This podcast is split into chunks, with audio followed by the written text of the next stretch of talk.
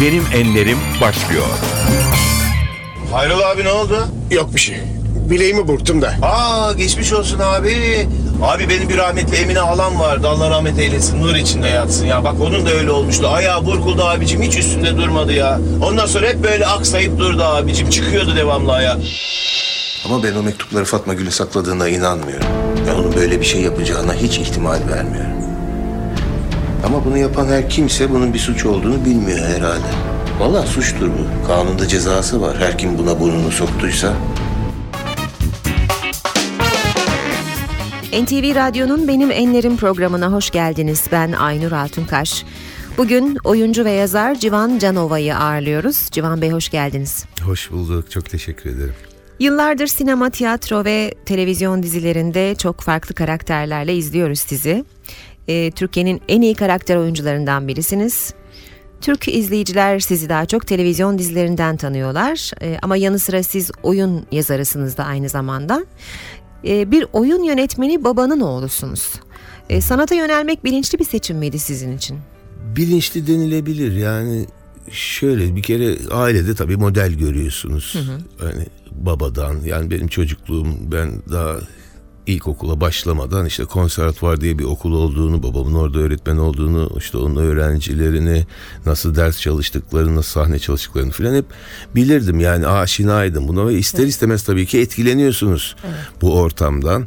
E, renkli geliyor, hoş geliyor. Sonra giderek kafanızda bir seçim yapma aşamasına geliyorsunuz. Yani bu aşamada ailem bana destek oldu mu? Oldu ve olmadı. Yani babam başka hayalleri vardı benimle ilgili. Başka umutları vardı. Ya yani siyasal bilgilerde okumamı istiyordu ya da hukukçu olmamı istiyordu. İyi ki olmamışım. yani ikna etmek biraz zaman aldı ama bu ikna etmek katı bir baba değildi hiçbir zaman. Tabii sonuçta seçimi bana bırakıyordu ama gene de kerhen mi diyelim artık yani e hadi oku bakalım dedi ama sonradan benim galiba mutlu oldu benim bu mesleğin içine duhul etmemden. Hocanız da olmuş galiba. Olmaz olur mu? Oldu tabii. İlk başta okula girerken, konservatuvara girerken işte sınavda jüri üyesiydi. Objektif olabildi mi? E, yani işte sınavdan çıktı. Ben hakkımı kullanmıyorum. O hakkımı diye sınavdan çıktı ama şimdi ne kadar da çıksa tabii oradakiler de onun eski öğrencileri, arkadaşları filan. Yani bir manen bir destek olmuştur. Ama bilmiyorum sonra belki inşallah hakkını vermişimdir. Yani insan emin olamıyor. Yani her zaman her işe sıfır noktasından başlıyorsunuz. Hiçbir zaman hani ben bir noktadayım bir yere geldim diyemiyorsunuz. Yani bunu da yani tevazu, maskeli bir kendini beğenme olarak söylemiyorum kesinlikle. Yani böyle bir şey. Yani her yaptığınız işte sıfırdan başlıyorsunuz. Hep aynı telaş, hep aynı e, oldu olmadığı tedirginliği, korkusu. Öyle bir Bu her her zaman içinizde oluyor değil mi? her zaman oluyor, her zaman oluyor. Yani oynarken de yazarken de işte ne bileyim çok ben yırttığım oyunlarımı biliyorum ya olmadı ben bunu paylaşamam kimseyle diye o kadar emek verip yani yırttığım zamanlar da oluyor. Sonra kendi kendinize başlıyorsunuz ya ben hiçbir şey değilim ben yazar da değilim Evet, bir şey evet, de. Ben yani bu bir, Bu muhasebeyi güzel- çok insan yapıyor aslında yapıyor. içinde. Güzel bir muhasebe aslında Ve yani. bu muhasebeyi yapanların da başarılı olduğunu da görüyoruz aslında. Bilemiyorum yani bu ben girişimci bir insan değilim mesela. Yaptığım işleri ön plana çıkartabilen ya da kendimi ön, ön plana çıkartabilen bir insan değilim. Belki de bu muhasebeler sayesinde mesleğimde eğer başarılıysam başarılı oluyorum. Evet, Onu da evet, bilemiyorum evet. yani. Hoş bir macera. Sanatla uğraşmak çok güzel bir şey. Hayatınızda çok önemli yere sahip üç erkek var. Biri babanız. Evet Allah Ee, rahmet eylesin. Allah rahmet eylesin. Ee, diğerleri Yılmaz Güney ve Kartal Tibet. Ee, rol aldığınız ilk sinema filmi Yılmaz Güney'in Arkadaş filmi. Ya evet. Değil mi? Evet evet. Ee, nasıl bir hikayesi var ilk rol alışınızın? Valla demin başta söylediğim gibi hani o babamla yani tabiri caizse cebelleşme Evet. süreci içerisinde yani o benimle ilgili işte siyasal bilgileri okuyacak işte şöyle olacak böyle diye hayaller kurarken ben de tesadüf eseri yazlıkta Yılmaz Güney'e rastladım. Bu arada da gizli gizli şeyi çalışıyordum konservatuvar giriş sınavlarında işte çok sevgili üvey babam Kartal Tibet e, kardeşlerimin de babası E, o bana o zaman hangi oyunu oynayacağımı seçmişti. İşte Antigone'den haberci oyna demişti. Yazın çalıştırmıştı. Karşılıklı çalışmıştık falan. Sonra ben kitabımı alıp yazlıkta yazlık sinemanın şeyinde perdenin önünde kendi kendime çalışmaya başlıyordum. O arada da Yılmaz Güney'de ona da Allah gani gani rahmet eylesin. Ya. Nur içinde yatsın ne derler bilmiyorum Evet, ama yani derler. çok yani saygıyla ve özlemle andığımız bir insan.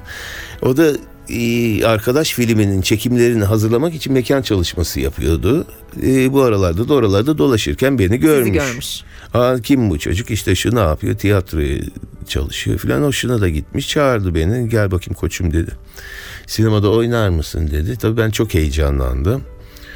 Ee, babama sormam lazım dedim. Babam da Ankara'da e sor o zaman ben senden haber bekliyorum dedi. Bu onlar da ekip halinde bizim yazlığımıza yerleşmişler. Öyle mi? Kumburgaz'da kıyı kentte oturuyorduk o zamanlar. Oraya yerleşmişler. Orada mekanları seçiyorlar falan. İşte telefon etmek de şimdiki gibi kolay değil. Selim Paşa köyüne gidip Evet. postaneden bağlatıp Ankara'yı Evet. işte bekleyip falan neyse babama ulaştım. Tabii ikinci darbe oldu. Babacığım ben tiyatro sınavlarına çalışıyorum. Bir de Yılmaz Güney'in filminde oynayacağım teklif aldım. Ne dedi. Vallahi izin verirsen dedi ne halin varsa gör dedi kapadı telefonu. Sonra filmi izlemiş Ankara'da. Hoşuna gitmiş çok yani gözlerinden Evet. belliydi. Ya Evet. aferin güzel oynamışsın falan demişti. Öyle bir anı yani. Evet. Üç ay yazlıkta o güzel bir şey. Yani hayatımın çok güzel renkli anılarından Kaç biri. yaşındaydınız o zaman? 19 yaşındaydım. Peki e, sohbete devam edeceğiz. Biz programda konuklarımızın e, sevdiği şarkıları çalıyoruz. İlk şarkımız ne olsun? Ben çok seviyorum bilmiyorum İsrail Kamakavi Viole'den onun yorumundan Somewhere Over the Rainbow. Çok Ee, güzel bir seçimle Sahi mi? başlıyoruz evet. Tamam.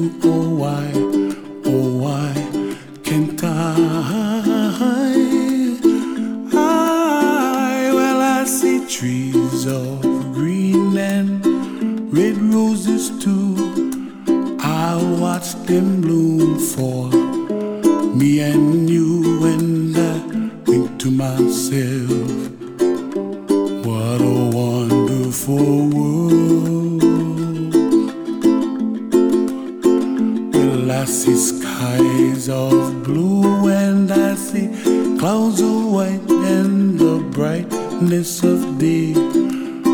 I like the dark and I think to myself, what a wonderful world. The colors of the rainbow, so pretty in the sky are also on the faces of people passing by. I see friends shaking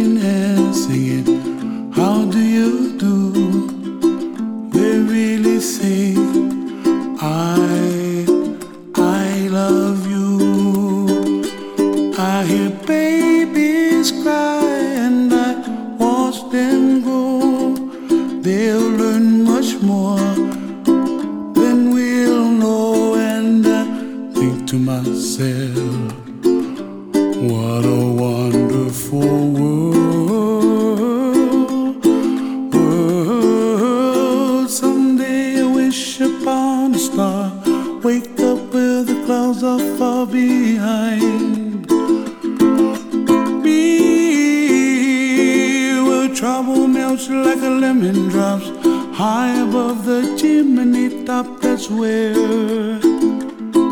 you find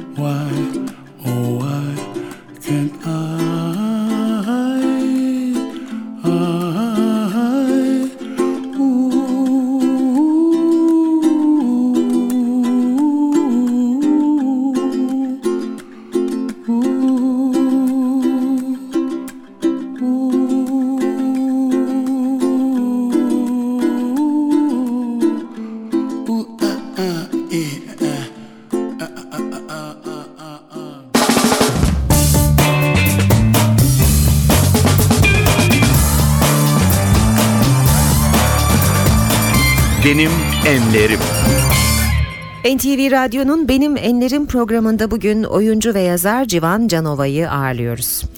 Az önce ilk sinema deneyiminizden söz ettik Civan Bey. Ee, siz sinemada e, bir dönem kötü adam rollerinde yer aldınız. Ee, o yılları kariyerinizin e, neresine koyuyorsunuz? Vallahi ya kötü iyi değil işte o da çalışmalardan biriydi ama tabii şimdi sinemada bir takım şeyler canlandırdığınız karakterler üzerinize yapışıyor Evet. maalesef.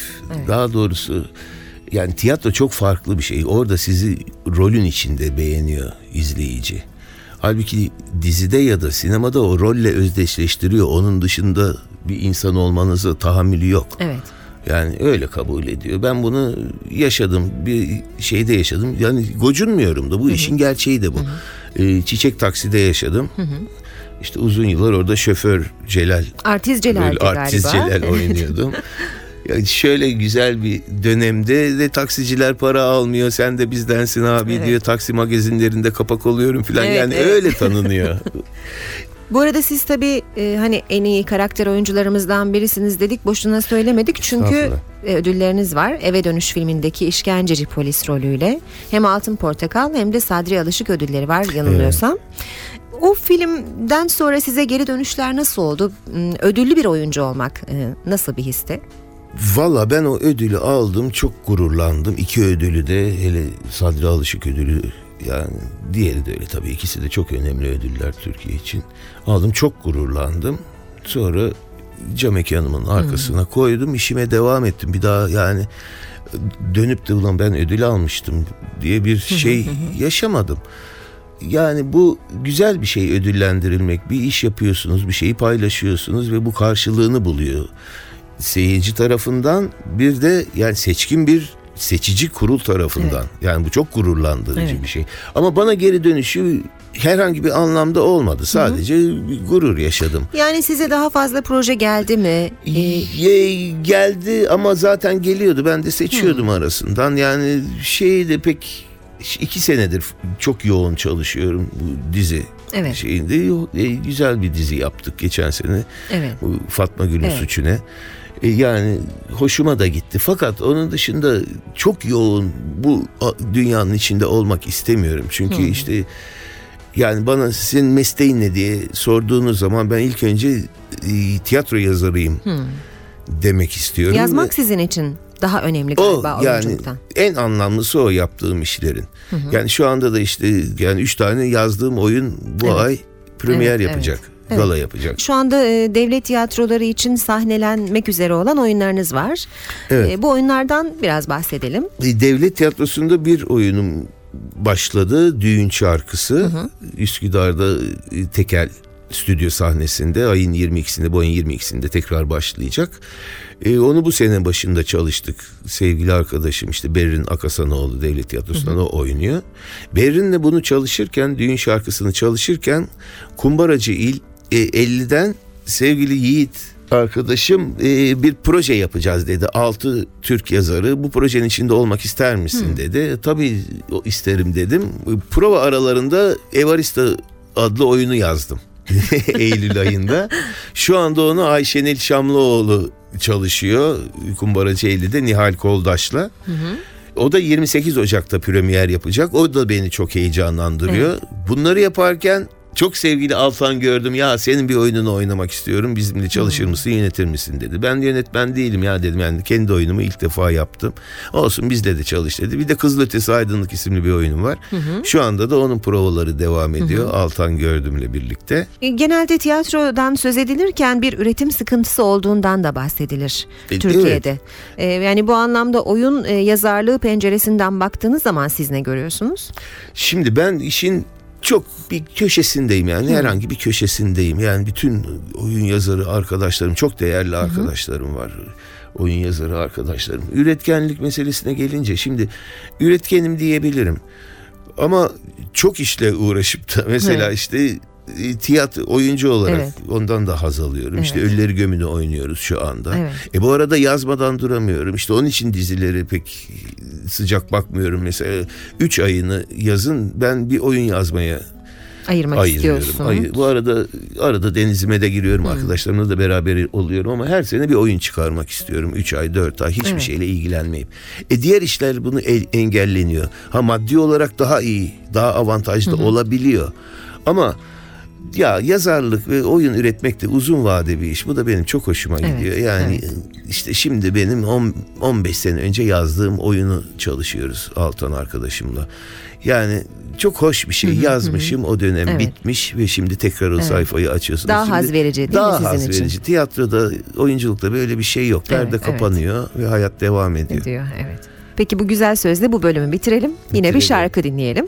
Dire Straits'ten dinleyelim. Dinleyelim. Ne olsun? Ee, Sultans of Swing olsun. Peki. NTV Radyo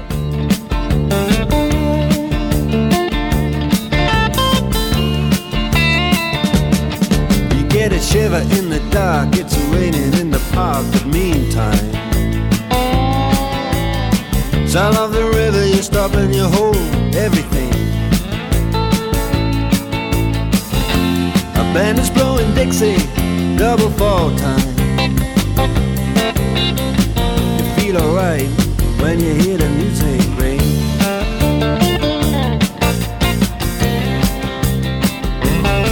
Well, now you step inside, but you don't see too many faces.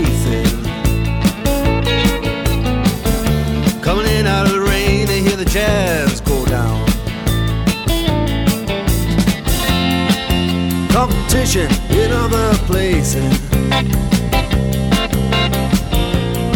But the horns, they blowing that sound.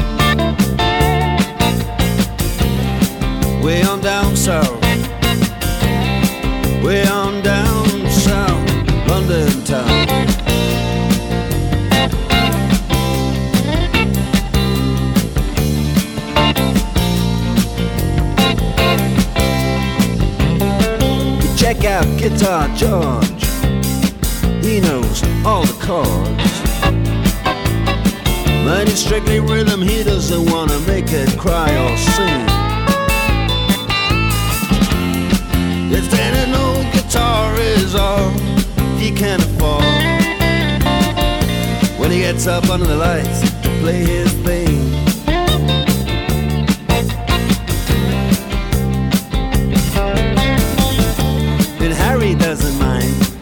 doesn't make the scene. He's got a daytime job, he's doing alright. He can play the honky tonk like anything.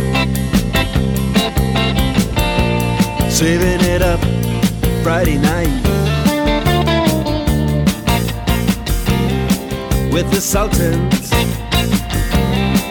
with the Sultans of Swing.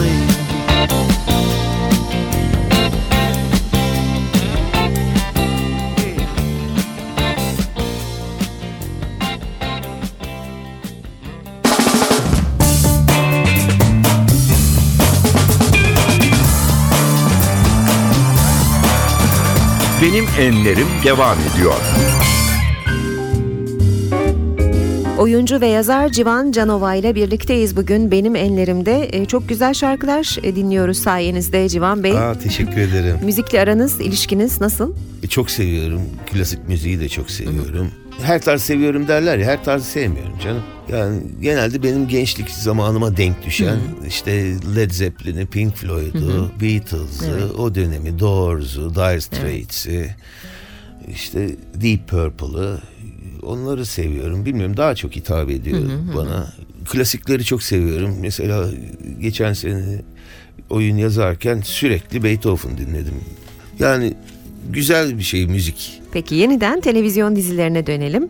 E, Fatma Gül'ün Suçu Ne de uzunca bir süre oynadınız. E, uzun soluklu bir yapımdı. Ama şimdi de farklı bir dizide Karadayı'yla karşımızdasınız. E, yıllardır bu sektörün içindesiniz. Hani hep de söylenir ya oyuncu olmak kolay değil. E, şartları çok zor özellikle dizi setlerinde çok zorlanıyoruz. E, nedir bu sıkıntılar? Nedir sorunlar? Yani sıkıntılı oluyor gerçekten. O çalışma süreci çok sıkıntılı oluyor. Yani o sıkıntı şeyde de var tabii. Çalışırken tiyatroda kolay değil. Ama yani e, dizi dünyasında zamanla yarışıyorsunuz. Bir şeyi haftalık yetiştirmek zorundasınız. Genelde iki ekip hatta üç ekip çalıştığımız zamanlar oluyor. O- Yedekli de çalışılamıyor herhalde değil mi? Yok yani her hafta diziye başlanıyor. O hafta bitecek. Hafta sonunda yayınlanacak. Çok zor bir iş. Yani biz gene nispeten mesela oyuncu olarak bizim dinlendiğimiz zamanlar oluyor fakat o set arkası yönetmenler, reji grubu yani 24 saat diyebilirim çalışıyorlar. Ee, Diziler çok uzun. Evet. Yani onların biraz kısalması Avrupa standartlarına gelmesi gerekiyor. Yani çok problemli bir dünya aslında ama zamanla herhalde yoluna girecek. Biraz önce de hani üretim sıkıntısından söz etmiştik. Aslında şöyle baktığımız zaman özgün senaryo konusunda bir e, sıkıntı olduğunu görüyoruz. Aslında coğrafyamıza, kültürümüze, tarihimize baktığımız zaman bunun tam tersini düşünmemiz gerek. Gerekiyor, Gerek. E, bu sıkıntının sebebi ne peki sizce? Yaratıcı ayağında mı bir eksik var yoksa? Yani dünya klasiklerinin tartışma konusu olduğu bir dönemde tabii ki sıkıntı yaşanıyor. Yani sıkıntı yaşanır.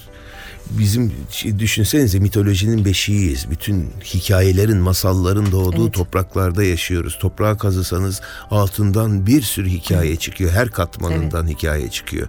Bir metro tüneli kazılıyor. Oradan bir şehir çıkıyor, hayat çıkıyor. Yani böyle bir kültürün içinde üretken olmamanın imkanı ihtimali yok. Fakat bu üretkenlik de tabii gökten zembille inmiyor. Yani eğitimle insanların yani okuyup araştırmasıyla ilgili bir şey. E, Yani bunlara ket vurulduğu zaman da üretim de tabii ki etkelleniyor, e, e, engelleniyor. Hayata bakış da Evet, farklılaşıyor. Evet. Dizi ya da oyuncu kirliliğinden söz etmemiz mümkün mü sizce böyle bir ortamda? Çünkü sayıları artık hani takip edilemeyecek kadar çok fazla televizyon dizisi var. Valla işte e, Özdemir Asaf'ın bir şiiri vardı. Bütün renkler aynı hızla kirleniyor. Birinciliği beyaza verdiler diye. Ben galiba biz oyuncular falan da işin beyaz konumundayız. Çok göze batıyoruz. Onun için bu kirlilik burada fark ediliyor. Aslında baktığınız zaman yani kalite olarak bence o kirlilik her alanda kendini gösteriyor. Yani oyunculuk göz önünde bir şey. Tamam yani şimdi oyunculuğun eğitimi sadece okulda olmaz. Usta çırak ilişkisidir. Öyle bir ustanız vardır ki sizi öyle bir yetiştirirdi ki. Yani okuldan farkı yoktur bunun. Böyle de oyuncu yetişir. Ama işte deminki problem işte bu dizi dünyası çok dizi olması e, o kadar işte şimdi 300 tane dizi varsa başlıyorsa bir o kadar senarist var mı Türkiye'de o kadar yönetmen var mı o kadar oyuncu var mı istediği o zaman ister istemez kalitede düşüyor. Evet. Ama dediğim gibi e, oyunculara mahsus bir şey değil. Sonra bunun içinde oyuncular da hiç olmazsa eleme oluyor zaman içinde. Yani eleniyor, eleniyor, eleniyor. İşte kalanlar birkaç kişi oluyor ve onlar da seçilen kişiler oluyor. Yani böyle bir imkan var. Oyuncu olmayanların da e, çok fazla sevilip takdir e, görüldüğü bir dönem bu. Bir oyuncu olarak bundan gocunuyor musunuz? Yok gocunmuyorum. Oyunculuk kimsenin tek elinde değil. Dediğim gibi insanlar kendilerini de yetiştirebilirler. Yani şey gibi değil bu soyut bir şey sanat. Evet. Tıp gibi değil ya da hukuk gibi değil. Yani illa okulunu bitirmeniz gerekmiyor. Tabii ki okul bitirmek yani bilimsel tiyatro diye öğrettiler bize. Okulda bu çok çok önemli okulunu bitirmek. Fakat aynı çabayı dışarıda da yani kendi şeyinizde de imkanlarınızla da ustalarınızla da vererek oyuncu olabilirsiniz. Bu dünyanın içine girebilirsiniz. Yani bu dünyadaki bir kapı yok yani şu diplomayla girilir bu dünyaya diye bir kapı yok. Kapısı açık. Sonra orada kalabilmek, o dünyanın içinde kalabilmek. O işte kişisel çaba ve donanım gerektiriyor kanımca. Tekrar yazarlığınıza dönecek olursak farklı türlerde e, şeyler yazmak istediniz mi ya da deneyecek misiniz roman, e, şiir ya da başka bir ebedi, edebi tür? Çok çok istiyorum. Yani e, bazı şeyler var. Mesela tiyatroda işte parantez işlerinde anlatamıyorsunuz her şeyi. Yani bir roman acaba becerebilir miyim diye çok düşünüyorum. Fakat buna da dediğim gibi bir zaman ayırmak gerekiyor. Hani bir yazla olmuyor. Yani bir seneniz, iki seneniz ayırmanız gerekiyor. Şimdi bu yoğun trafik içinde de bir dünya kurmak, o dünyanın içinde onu üretmeye, yaratmaya çalışmak çok zor.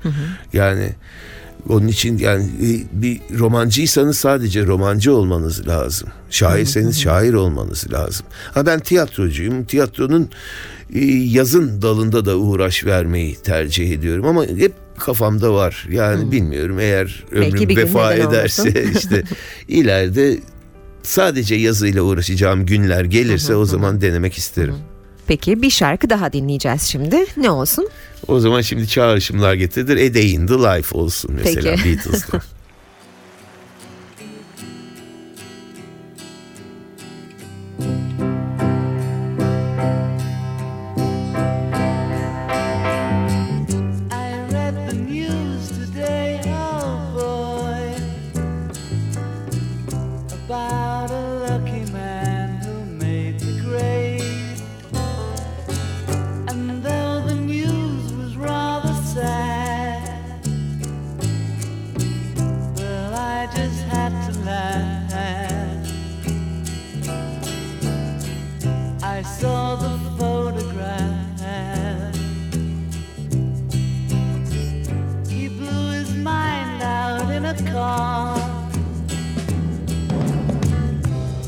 didn't notice that the lights had changed.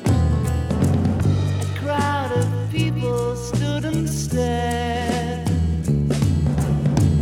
They'd seen his face before. Nobody was really sure if he was from the House of.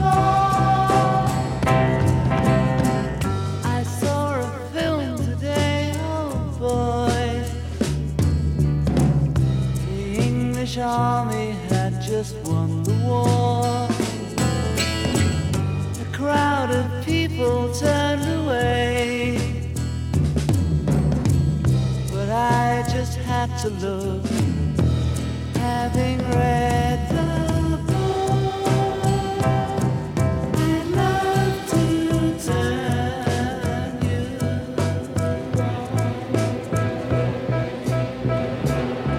NTV Radyo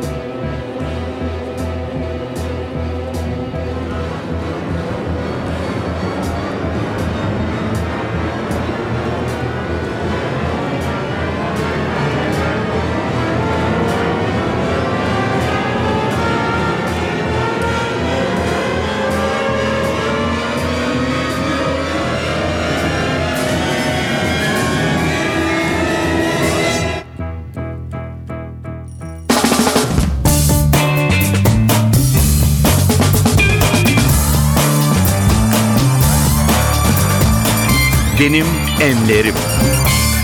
NTV Radyo'nun Benim Enlerim programında bugün oyun yazarı ve oyuncu Civan Canova'yı ağırlıyoruz. Civan Bey e, hayranlıkla izlediğiniz Türk ya da yabancı aktörler var mı? Yok. Yani öyle Bir meslektaş gözüyle izler misiniz peki öyle sorayım? Yoksa sadece meslektaş zevk gözüyle almak- izlemem. O meslek hastalığı oluyor ve ben de bunu pek sevmiyorum. Mesela tiyatroya gidiyorsunuz. Oyunu dışına çıkıyorsunuz. Bu bir meslek hastalığı. Ay bak elini nereye koydu. Ay bak nasıl Hmm. oynadı. Yani halbuki orada bir dünya anlatılıyor size. Yani ben mümkün olduğu kadar o meslekten kendimi soyutlayarak izlemeyi tercih Evet, ediyorum. Oyuncuları da öyle. Tabii ki "Aa, hayranlıkla ne kadar güzel oynuyormuş diyorsunuz ama o yöne takılmadan işi bütünü içinde e, izlemek hoşuma gidiyor. Yani o açıdan hayran olduğum kimse yok. Mesleğe ilk başladığınız yıllarda kendinize bir hedef koymuş muydunuz ve sizce bu hedefi yakaladınız mı? Yakaladım. Ee, çok çok iyi hatırlıyorum mesela insanın hayatında belli enstantaneler vardır ya unutmazsınız.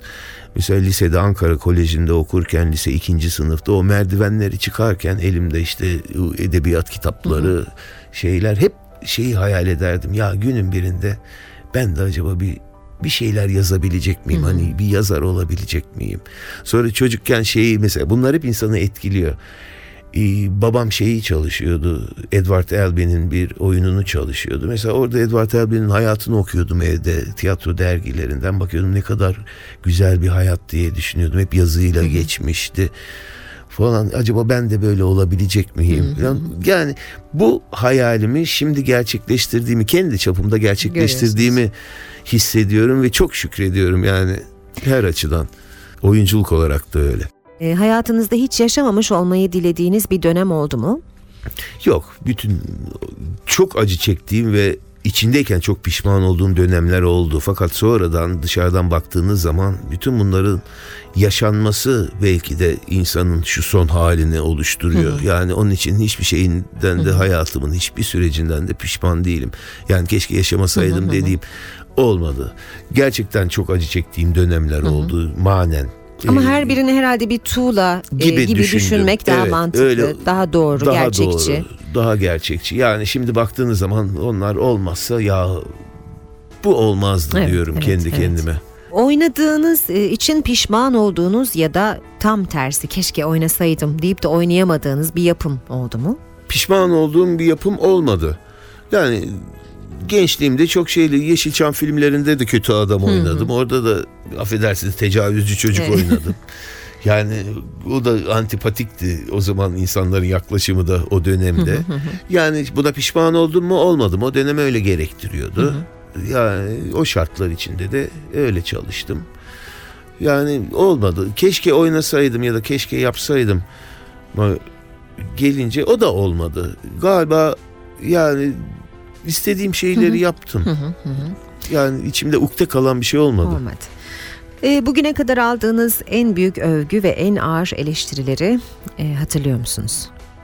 Vallahi ikisi de babamdan gelmişti. Neydi onlar? Biri bitirme sınavında bir parça oynamıştık. Ekinler yeşerecek diye Sedat Veys örneğin işte savaşta geçiyor, Kore'de geçiyor. Oradaki bir askerin ha- şeyi ruh hali.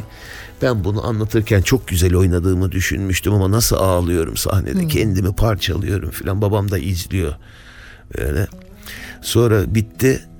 Oğlum dedi bırak biz ağlayalım dedi. Sen kendi rolüne ağlıyorsun dedi. Kendi hay bırak dedi. Bize bizi etkile dedi. Şimdi bu çok güzel bir Evet, eleştiriydi. Kamçılayan bir Yani, eleştiri evet. olmuş. Mesela bunu çok düşündüm daha sonra. Bir rol canlandırırken o rolün dışına çıkarak lan ben bunu güzel oynuyorum. Ben bundan etkiliyorum dediğiniz anda zaten bitiyor o rol. Yani içinde olmak lazım. Bu Hmm. Evet. çok şey Evet. bir eleştiriydi. İkincisi de gene rahmetli babamdan gelmişti. Onda da kendimi beğendirmek için çırpınıyordum. İlk oyunumdu Antigone. Ve İstanbul'a tayin olmuştum mezun olur olmaz. Babam Ankara'da kalmıştı. Ankara'ya turneye gittik Antigone ile. Ve orada izlemişti ve şeyde görmüştüm. Salondan en önde oturuyordu. Ee, gözleri dolmuş böyle. O hali yani her şeyi anlattı. Hiç söze gerek yok. Gerek yoktu. Sonra da Evet. çıkınca da geldi yanağımdan öptü falan. O da Evet. en büyük övgüydü Evet. benim için hayatımda. Yani bütün ödüllere değer. Tiyatronun, yazarlığın, oyunculuğun yanı sıra sizin başka bir yeteneğiniz daha var. Resim yapıyorsunuz. O bir şey yan uğraş. Çok seviyorum resim yapıyorum. Sizin hedeflediklerinizi hedefleyen, hedefleyecek olan e, genç arkadaşlara neler söylemek istersiniz? Çok karmaşık bir dönemde yaşıyoruz ve çabuk hedeflere ulaşmak isteniyor.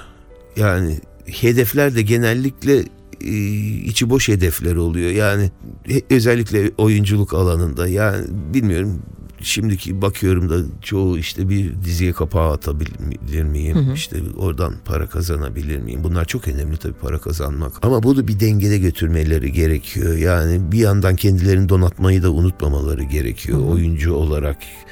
Yani hedeflerini daha yüksek tutmalarını ve daha anlamlı hedefler kendilerine tayin etmelerini özellikle tiyatro alanında sanat alanında eğer bu işin içindelerse onu öğütlüyorum.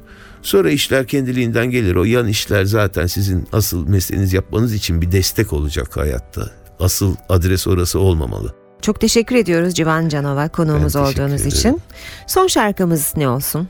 Ya ben çok öğüt verir gibi bitiriyorum galiba. El Macho olsun son Peki. şarkımız Mark Knopfler'dan.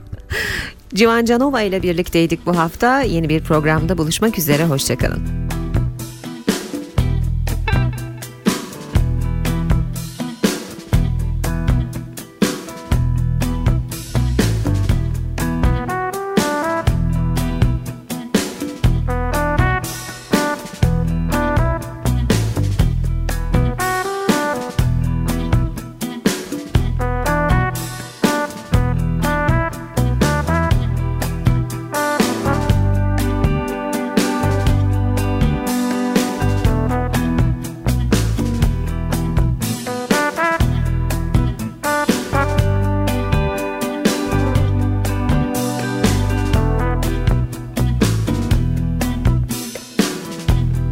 Date has gone home. Now you're left on your own sweet own. Your tough talking friend split on you in the bitter end, and you look like a fine thing. Jerry. Yeah,